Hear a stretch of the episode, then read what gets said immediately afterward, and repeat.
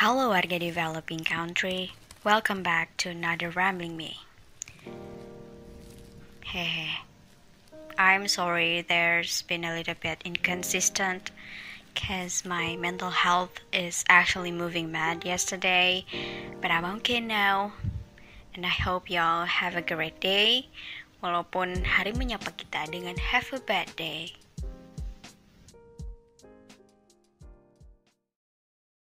Hari ini, kayak biasa, gue bakalan brain dumping lagi kali ya. Kali ini soal glow up, tanpa berlama-lama, tanpa upaya dan usaha, kayak lo suka sama dia tapi dianya enggak. Let's go to the topic. Gue yakin sih, kalian akhir-akhir ini, atau mungkin dari kemarin, kemarin lusa, lusanya lagi, atau cicitnya lusa, kalian sering terpapar kata glow up. Bahkan kadang pikiran kalian terganggu sama dua suku kata itu. Kalian juga pasti tahu definisi glow up itu relatif. Emang beda arti tiap orangnya. You know like you can glow up in that many other ways.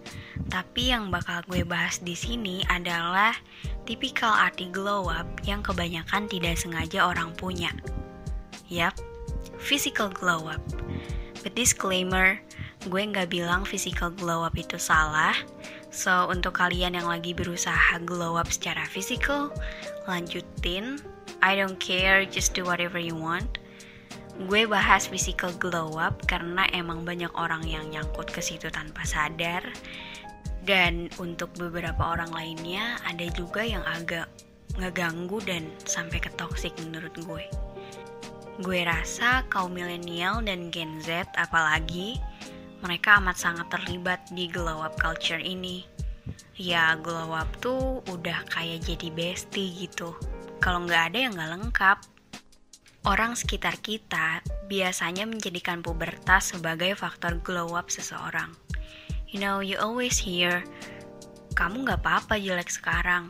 Nanti juga pas udah puber jadi cantik atau ganteng atau ada tipikal orang kedua yang bilang, lah kamu kok udah puber malah nambah jelek?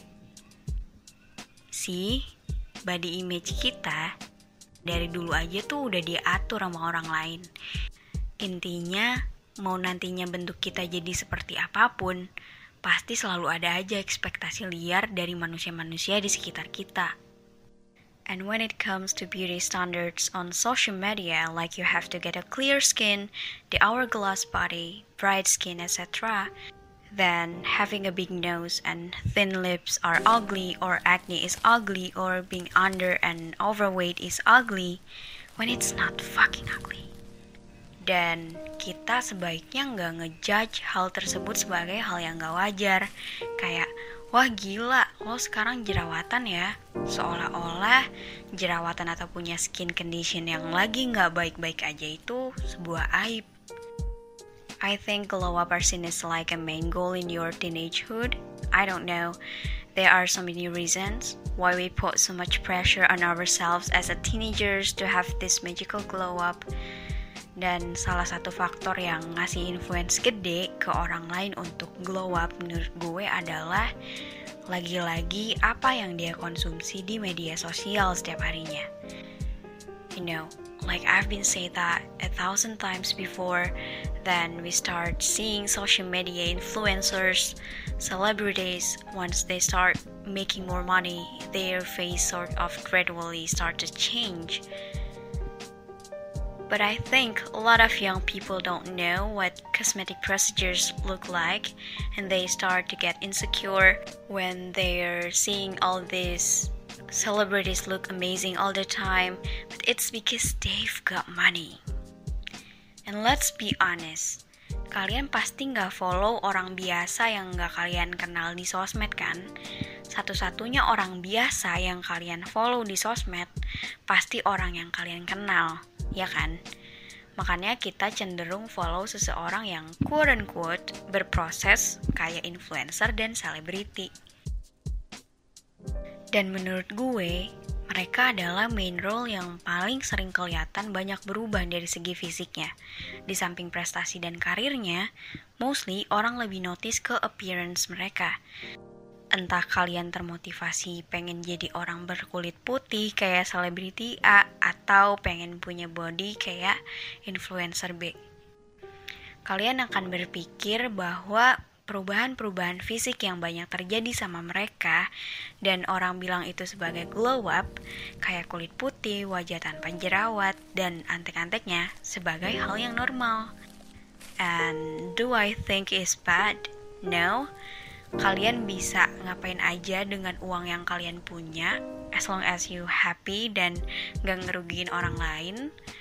Tapi kita pun harus ingat bahwa para selebriti atau influencer itu mereka tuh bukan orang normal yang kita lihat berseliweran di sekitaran rumah. You know like kalian make upan sendiri di rumah, olahraga pun sendiri, atau rencanain mau pakai OOTD yang kayak gimana juga sendiri. Sedangkan mungkin para selebriti atau influencer, mereka make upan ada makeup artist. Mereka mungkin punya personal trainer, mau OOTD-an punya stylist, and probably have a dermatologist to keep their clear skin.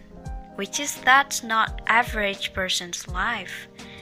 Walaupun ada beberapa selebriti atau influencer yang ngelakuin hal di atas itu sendiri. Tapi kita lihat garis besarnya. Mereka bisa punya itu karena mereka punya banyak uang. Dan kadang memang pekerjaan mereka nggak jauh sama itu. And not everyone is rich. Yang terlihat kurang benar adalah ketika kalian menganggap glow up secara fisik itu di atas segalanya. Misalnya kalian maksain diri buat glow up secara fisik. Kalian beli skincare sampai puluhan juta karena pengen ngikutin skincare para selebriti atau influencer.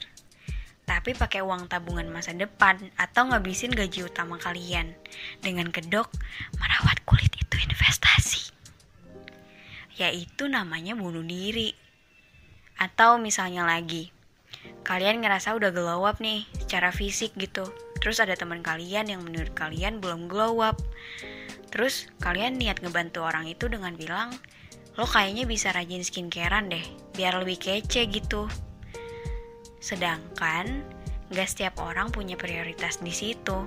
Mungkin aja pas waktu kalian ngomong gitu ke teman kalian, teman kalian sama sekali gak kepikiran sama skincarean dan mau fokus sama belajar misalnya.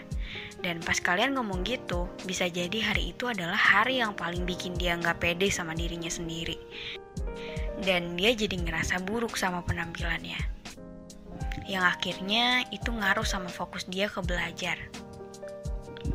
Dan yang gue lihat, perempuan itu lebih banyak didesak untuk terlihat good looking Belakangan ini gue sering lihat konten yang lewat di TikTok Di mana ada orang yang survei gitu ke cowok-cowok Dan dia nanya tipe idaman cewek mereka itu yang kayak gimana. Dan ada cowok yang bilang Yang pasti yang good looking sih. Laki-laki itu kan makhluk visual. Terus ada lagi yang bilang Pokoknya yang kalau dibawa ke mana-mana bajunya nggak norak. Ya emang itu hak mereka sih. Tapi hello Apakah yang punya mata di dunia ini hanya Anda saja? We as a women are not designed to look trendy or aesthetically pleasing in order to make men happy. We are given what we are born with, and we are all beautiful. Dan mau laki-laki atau perempuan, physical features do not make you attractive or ugly. Your personality is the biggest factor when it comes to beauty and forcing someone into believing that looks matter is extremely damaging, toxic, immoral, and corrupt. Do we value physical glow up too much? Kayaknya segitu dulu ngomong gak jelas hari ini. I feel like this is the perfect time to talk about this. I don't know, because people trying to glow up over quarantine, and I think it's always good that people try to become better versions of themselves. But I think it's toxic when they expect people to glow up at the time when people are just trying to survive. Sekarang kalian lihat kaca, lihat diri kalian dan bilang, "Wah, gue bersyukur banget gue masih dikasih nafas sampai detik ini." Dan gue cakep banget dah, buset. So yeah, It was really weird. I don't know whether I like this recording, but I hope you guys enjoy. See you on the next episode. Bye bye.